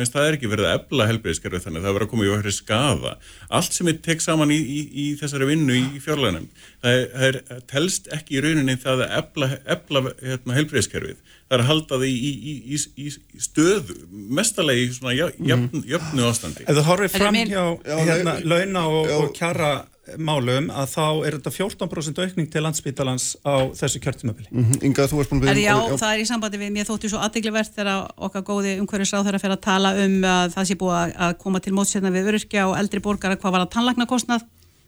Það er rétt. Það er búið að hækka framlög eða við skulum umorða það og segja sannleikan.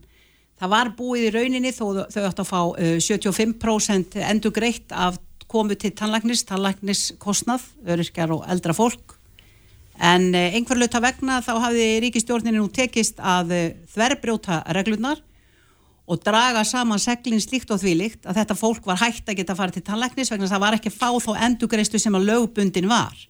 Þannig að nú hefur ríkistjórnin eh, hækkað aftur þetta eh, endurgreislu hlutfall í áttina af því sem lög segja til um en verða nú að bæta töluvert meira í ef þú ætla að láta lögin í rauninni gilda um þennan hóp sem leita sér tannlækninga eins og þau segja til um. Og annað og þú ágættir á þar að nefndir líka hérna e, niðugreislu á styrkjum og annað slíkt. Það var frumvart flokks fólksins sem að þeir voru svo elskuleg öll sömul að taka utanum sem var þess valdandi að nákvæmlega var hægt að skatta og skerða styrki til e, tækjakaupa og livjakaupa og bensinstyrk svo eitthvað sem nefnd. En það ber ég verðingu fyrir ykkar starfeinga þannig að það sé sagt og til dæmis þetta mál er, er hérna, mjög jákvæmt. Aha, gott og vel, hérna, fleiri mál, við, erum- það er enda allar umræður í heilbríðismálum í Íslandi eitthvað með þó að við segjum alltaf, ég veit ekki um hvað var kjósan en svo endum við alltaf í þessum málaflokki. Er þetta yfirgnæfandi mál?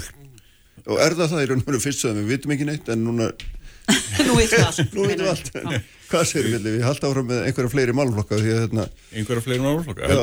já, höldum aðeins áfram með, hérna, með má- má- málefni sem sagt lífeyriðstega Já. að, að á þessu kjörtjómabili hafa lífeyriðstegar fengið uh, þrjá fjórðu af, af launahækkunum uh, á almennumarkaði það, það, eru, það, er, Það er það, er staðreynd. ákvör, það er ákvörðun ríkistjórnar að fylgja ekki launathróun í landinu og, og einfallega láta lífeyriðstega samkvæmt almannatryggingum fá lægri hækkanir það, það er eitt Þeir eru skildir það harkalega eftir að nú munar orðið rétt um 100.000 krónum á mánuði á þessari berstrýpuðu uh, greiðslu tryggingastofnunar uh, versus lægstu laun í landinu.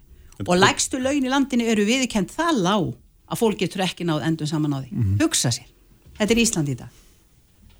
Mér langar að nefna Já, kannski aðeins já. í þessu samhengi að uh, ég er alveg sammála því að við þurfum að hækka hjá þeim sem að, að minnst hafa milli handana bæði hjá öryrkjum og, og eldriborgunum að sjálfsögðu. Um, það var gripið til þess á þessu kjörtímabili, bara alveg upphæfi kjörtímabilsins var frítekjumarki hjá eldri, eh, hérna, ellilífyrir stegum hækkað úr 25.000 krónum í, í 100.000.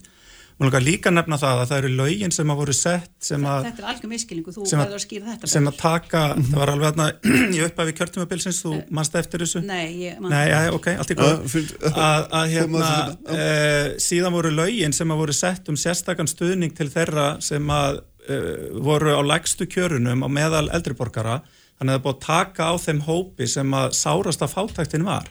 Og minnst þetta gleymast í umræðinu þegar það er verið að gaggrina ríkistjórnina að þetta voru lög sem að skipta mjög miklu máli, oft voru þetta konur stundum af erlendum uppruna sem áttu lítil réttindi í hérna, lífeyriskerfinu og almanna tryggingakerfinu hérna heima. Þannig að það skiptir náttúrulega máli að teki þetta skref. Og við í Vafki, við viljum halda áfram á þeirri braut að horfa til þeirra sem að hafa það allra minnsta og hækka þau. Og svo við tökum öryrkina þá tek ég undir með henni yngu að kjara gliðnunin sem að hefur orðið frá því um hrun, hún er allt og mikil þar sem að við erum með um, öryrkja á um 100.000 krónum minna heldur en, en, en hérna atvinnuleysisbætur og lámaslaun eru. En ríkistjórnin hækkaði atvinnuleysisbætur á kjörtímabilinu þannig að við erum þó allavega að sína það að við viljum stefna í þá átt að, að gera kjör þessa fólks betra heldur en að, að það hefur verið. Og svo vegferðir hafin og við þurfum að halda henni áfram. Já, Ég, ég, ég, má, ég má til með að gera aðtöðasemt vegna þess að mér þykir rosalega eh, skrítið og eiginlega dapurt að, að hérna eins og Guðmundur Ingi enn og klár að hann skuli vera að bera það á borð fyrir okkur núna 25.000 krónur hefur verið hækkaður 100 ás krónur í samvæti við lífeyrissjóðin. Þetta er frumvarp sem flokku fólksins kom með inn hér þar sem að við uh, lögðum fram frumvarp um það að hækka uh, lífeyrissjóðs uh, Ég er að tala um frítekjumark atvinnutekna. Frí, frí, já, frítekjumark atvinnutekna var 109.000 krónur fyrir þetta kjörtímabil. E, þá var bóðað að setja það bara einfallega nýri í null og, e, en e, í raun og veru var þá uppbúst á mikil, mikil mótmæli og reyði alltaf í samfélaginu þannig að jú það var sett í 100 áskrónu frítekjumark eh, vegna launatekna En við komum með eh, aftur á móti það út að tala um eh, eldri, eh, eldri konur sem að, að, að eiga enga lífeyrisett. Þú varst nú eiginlega komin inn á þá línu þannig að eðli málsins samkvæmt hlaut ég að halda að þú væri að tala um það. Því þar er staðreindin 25.000 krónur í lífeyrissjóðs eign og hver einasta króna sem þú vinnur er um, umfram það, vinnur er inn umfram það hún er skattlöða fullu og skert síðan krónu á móti krónu kakvað réttindunum og úr almannatryggingakerfinu. Þannig að einstaklingur sem á þennan lífeyrissjóðsrétt og voga sér að vinna sér inn fyrir 100.000 krónum hann í rauninni er að fá fyrir uh, sinn snúð um 36.000 krónur og meðan ríkisjóður hyrðir á hann 64.000 krónur. Svona er nú Ísland í dag. En þetta var felt, svo það sér sagt. Þetta frumvarp okkar var felt alveg eins og frumvarpi fyrir tveimur árum um 300.000 krónur, lámas framfæslu skatta og skerðingalöst. Það er eitt flokkur, ég er nú ekki vöna að vera að hæla öðrum stjórnmáluflokkum en ég bara geri það. Það eru býratar sem venjulega hafa uh, samþygt þau mál sem við erum að koma með fram eins og 300 úr skona mm. lámas framfæsla skatta og skerningalöst eh, nú erum við komið með það í 350.000 krónur lámas framfæsla skatta og skerningalöst því var náttúrulega bara hend út af borðinu það fekk aldrei að fara í atkvæðagreyslu vegna þess að lítur illa út fyrir þá sem segjast vera almanna hagsmunaafl að vera svo gjössamlega njörfaðu niður í sérhagsmunni að þeir leif ekki einu sinni málin og komin á þing. Þeir vil ekki sína að þeir munu fella það Þeir vil ekki sína raunverulega sálsína gagvart í aðar hópunum 20.000 Íslendinga sem hafa verið múraðir hér inn í fátaktegildru. Við skulum hérna leipa byrna og svo þurfum við að gera östu klíð. Þetta er myndið að vera upphæðin sem að myndi vera ef að uh, lífeyrir almenntrykking hefði þróað samkvæmt bara launathróun. Þá ætti hann myndið að vera í þessum 300-350 krónum mm -hmm. bara samkvæmt lögum í rauninni. Og það er nefnilega áhugavert að tökum atvinnulegisbætunum til dæmis hækkun gáru 5-600.000 þetta er rauninni bara verðlagsauðfæslur þetta er ekkit óeðileg hækkun, þetta er bara mjög eðlileg hækkun út af því að við erum með það verðbólgu samfélag hérna. Það var náttúrulega umfram verðlags og, og okay. ekki, ekki núna í heldin, ekki, ekki út tekur rauninni frá því þegar að, að þar voru gerðar í að 500 skrónum þannig að sem sagt við erum líka að standa fram með fyrir því í þessum málflokki að þér virðist, þér eru að fá ábendingar um það mjög undarlegar ábendingar um það að líferinn, það sem þú færð út úr, úr, úr líferi sjónuðinum, það er ekki, að það er samkvæmt lögum flokka sem atvinnutekjur en tryggingastofnum flokkar það sem fjármarstekjur og þar eru 25.000 krónar hámark, ekki 100.000 krónar hámark eins og það ætti að vera, þannig að það er stór hópur fólks sem að ætti að vera að fá 100 árs konar frítekjumark mm. úr greiðslum úr lífeyrissjóði en fær bara 25 Er þetta eitthvað sem þú hefur staðfest að, að sé lítið á með svona ólíkum augum eða hvað? Það er, þetta er, þetta er í hjá kærunemdi eins og er, það ætti að koma úrskur nú í vikunni og, mm. og miðað við laugin og þessar, þessar svona framsög að, að, og reikningvelin á, á hjá tér að þá verður áhugavert að sjá niðurstunum þessu já, Nei, bara, bara, já, bara það eru náttúrulega engar krónur mútið krónuskerðingar ennþá í, í gangi, við verðum alveg hérna, átt okkur á því en Æ, það sem, við, það sem við, það sem við erum að tala um hérna eru verkefni sem við þurfum að taka í skrefum til þess að bæta kjör bæði þeirra sem að vest sitja eh, af ellilíferistegum og líka öryrkjum, við erum öll sammálum það og það er verkefni framöndan hjá okkur. Gerum östu klið og hérna haldum svo áfram eftir nokkru ölsingar. Sprengisandur, alla sunnudaga á bylgunni, fréttir, tónleikur og frábær tónlist. Bylgjan, Sprengisandur á bylgjunni. Sælustendur, við erum hérna á lokasprettinum á Sprengisandinum í dag. Guðmundur Ingi Guðbrandsson, Björnlefi Gunnarsson og Inga Sæland eru hérna hjá mér.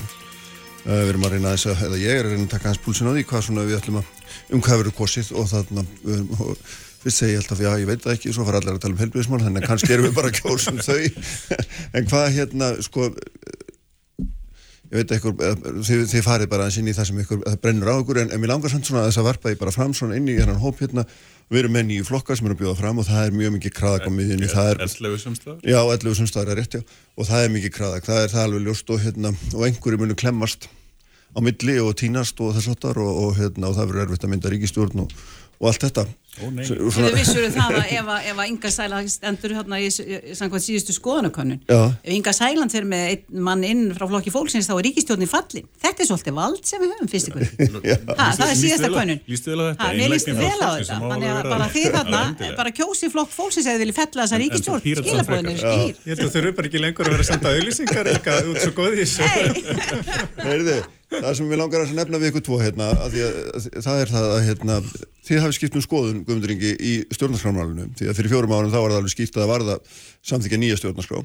Og, og hérna Björnlefi þið segið á móti það verður engin ríkstjórn með okkur nema hún fari hérna samþykki nýju stjórnarskrána eða á tillögum stjórnlaðar þannig að það er augljóst að þið farið ekki saman í ringstjóð til tver það er bara, það blasið við. Seg, seg, seg þú mér, ég, það er óbreytt sem sagt stefna frá okkar Já, Pírata, ykkar, frá, já, frá, frá en- því alltaf. Já. og, og bæði í þeim stjórnarmyndina viðröðum sem, sem við tókum þátt í 2016 og 17 að þá var einu búin að klára þann hluta sem sagt stjórnar sáttmálans að stjórnarskráin yrði afgreitt á kjörtjöfumbilinu þannig að, að, að ef að Vafki ætlar að gera eitthvað, eitthvað öðruvísi en nú er ég bara að vísa í þeirra Já, já, eigin, stjórnmáláletu núna er, en, en þau eru náttúrulega að reyna að halda sér svona opnum gagmart vantilega öllum flokkum eins og mér finnst þeir alveg gríðarlega óheiðarlegt í rauninni hjá, Mm. hjá stjórnmálflokkum að gera að vera ekki skýr gagmart þeim stefnum sem að þau setja í rauninni bara þröskuldin á að þetta er okkar krafa og, og að, að, að bara benda á rauninni þá flokka sem að virðast greinilega ekki vera þá-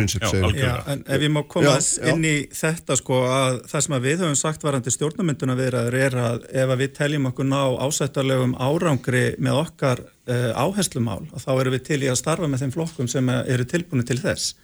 Og þú nefndir hérna áðan að væru nýju flokkar og allt upp í 11 sumstaðar sem að þurfa að komast að samkomulagi um það að hérna, það verði ríkistjórn. Við berum ábyr sem að mögulega verðum kosininn og þing til þess að gera það.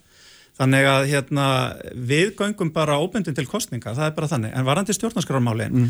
það er alveg skýrt að við viljum vinna á grunni tillagna sem að komið hafa fram á síðustu árum.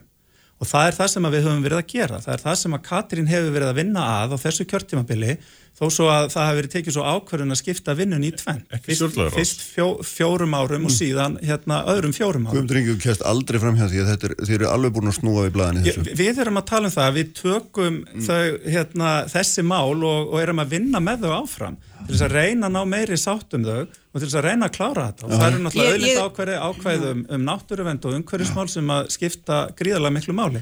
Og það eru örugglega- auðvitað margt breyst líka á tíu árum við tökum bara til dæmis varandi auðlindirnar að í hérna, ákvæðinu sem að var hjá stjórnlagaráði að þá var það með upptalningu, svo ég nefni það sem dæmi á mögulegum auðlindum sem verið í þjóðaregn. Það er til dæmis ekki lengur inni vegna þess að það er að bætast við auðlindir sem að ætti að vera í þjóðaregn og svo framvegis og framvegis. En grundvallar prinsip er það að við viljum auðlinda ákvæði inn í stjórnarskrána þar sem er kveðið á um að auðlindir sem eru ekki háðar egna, egna, egna, egna rétti, Einka- eignar- enga egna rétti, Já. þakka þér, séu sem sagt í þjóðaregn og að, að það sem er í þjóðaregn að það sé eh, komið gjald fyrir þá notkun og hún sé eh, ekki, eh, notkunni sé ekki varanleg, Já. hún sé tímabundi. Þannig að þetta eru grundvallar atriði sem að við höfum lagt á ottin fyrir utan náttúrulega náttúruvendar og umhverfis ákvæði sem að skipti líka miklu máli. Ég þarf að útskýra Já, örstuð ég- varandi sem sagt já, samstarfin bara að gera, að já. það er í tvennu lagi, það er annars vegar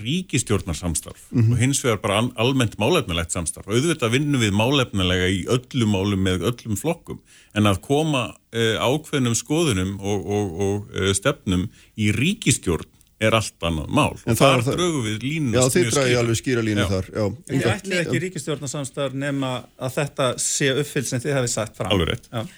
Já, mér langar að nefna það, ég er nú svo hér við borðið sem hef akkurat setið í e, nefnd sem að var skipuð að fósættisra þeirra, þver pólitískri nefnd, það voru allir formenn og svo, svo fulltrúi e, pírata.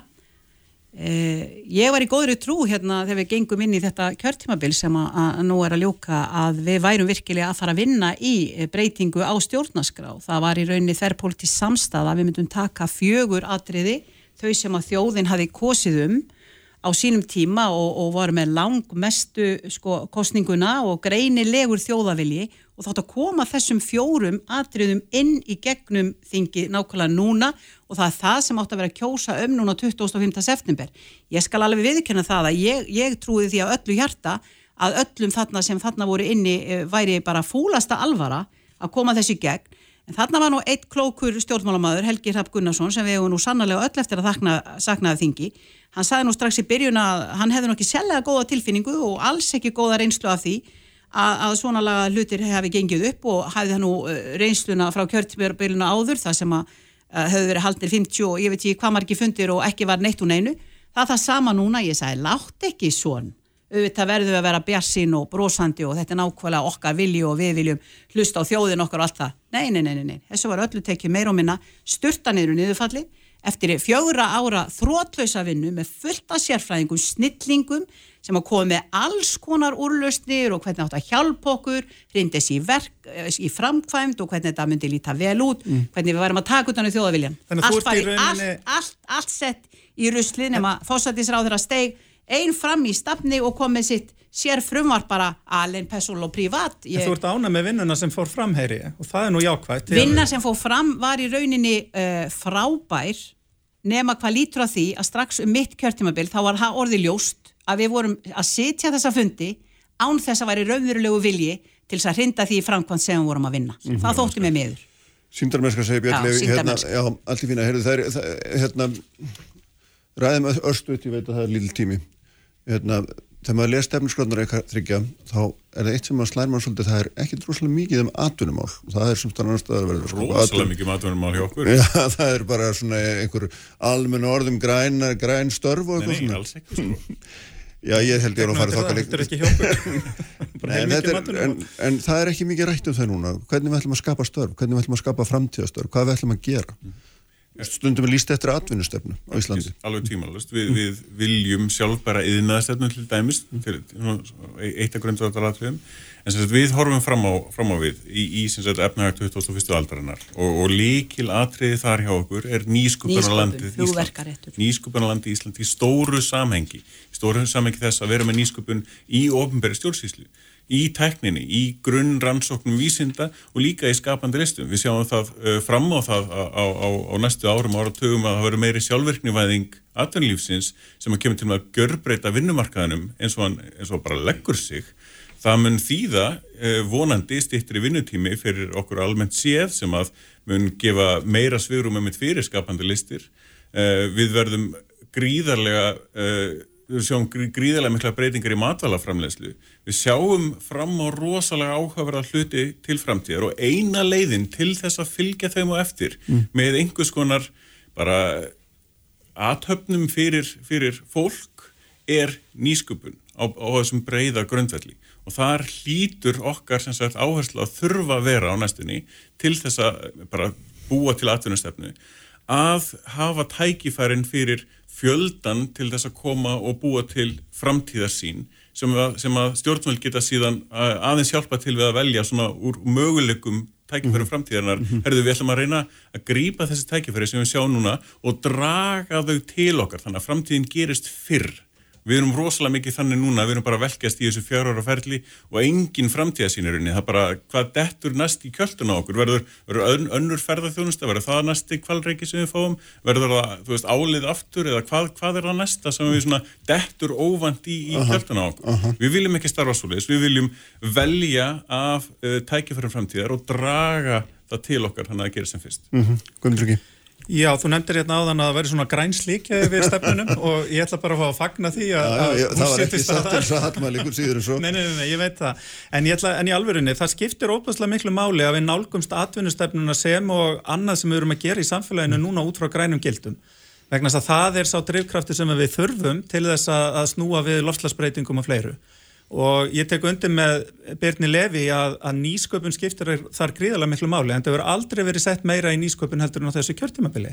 Og við viljum halda því áfram. athugasemdir við það. Já, ég efast ekki við það, þú er aðtóðsendur um flestar tölur sem framkoma, minn kæri. Nefna hvað að við höfum, við höfum sett líka inn í uh, rannsóknarsjóðina í háskólanum og þessum viljum við halda áfram vegna þess að með þessu búum við til uh, atvinnu tækifæri og fjölbreyttara atvinnulíf sem að er betur í stakk búið til þess að takast á við áföll eins og við verðum fyrir núna með COVID. Ég held að ferðarþjónustan verði áfram mikilvæg uh, þó svo að hún, þó svo ég sé þeirra skoðunar að, að það megi draga úr væjanar veg, uh, sagt, þannig að við fáum fleiri greinar inn, þannig að ég tek undir það með Byrni Levi. Svo er náttúrulega skapandi greinar, það er uh, matvalastefna, við erum með mjög uh, öfluga stefni í landbúnaðar og sjávarútismálum, við látum okkur þessa atvinnuvegi líka miklu máli skipt og ég heldur reyndar að sé meiri umræða um það út á landi heldur en kannski í Reykjavík, það er svona Já, mín tilfinning Já.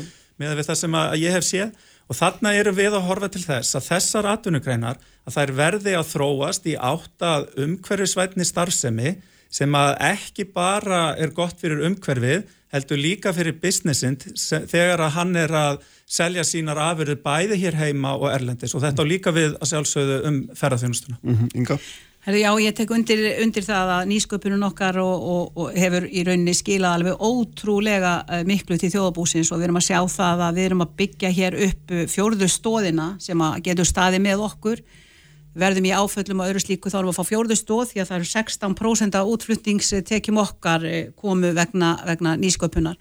Þannig að það er afskaplega, afskaplega mikil svirði en ég segi líka Ísland allt flokku fólksins er fyrir Ísland allt við viljum ebla sjáar útvegin út um all land. Við viljum frjálsar handfara veiðar við getum ekki skilið hvernig ég óskupónu þessi stýring á sér stað að banna fólki á litlum trillum að fara út og sækja ebla að, að ebla sjáabyðina sem er búið að leggja hér í rústringin í kringum landið Það eru bara, það eru brotættar byggðir allt í kringum landi vegna þess að framsal kvótans er búin að leggja í rúst sjáaplásin okkar.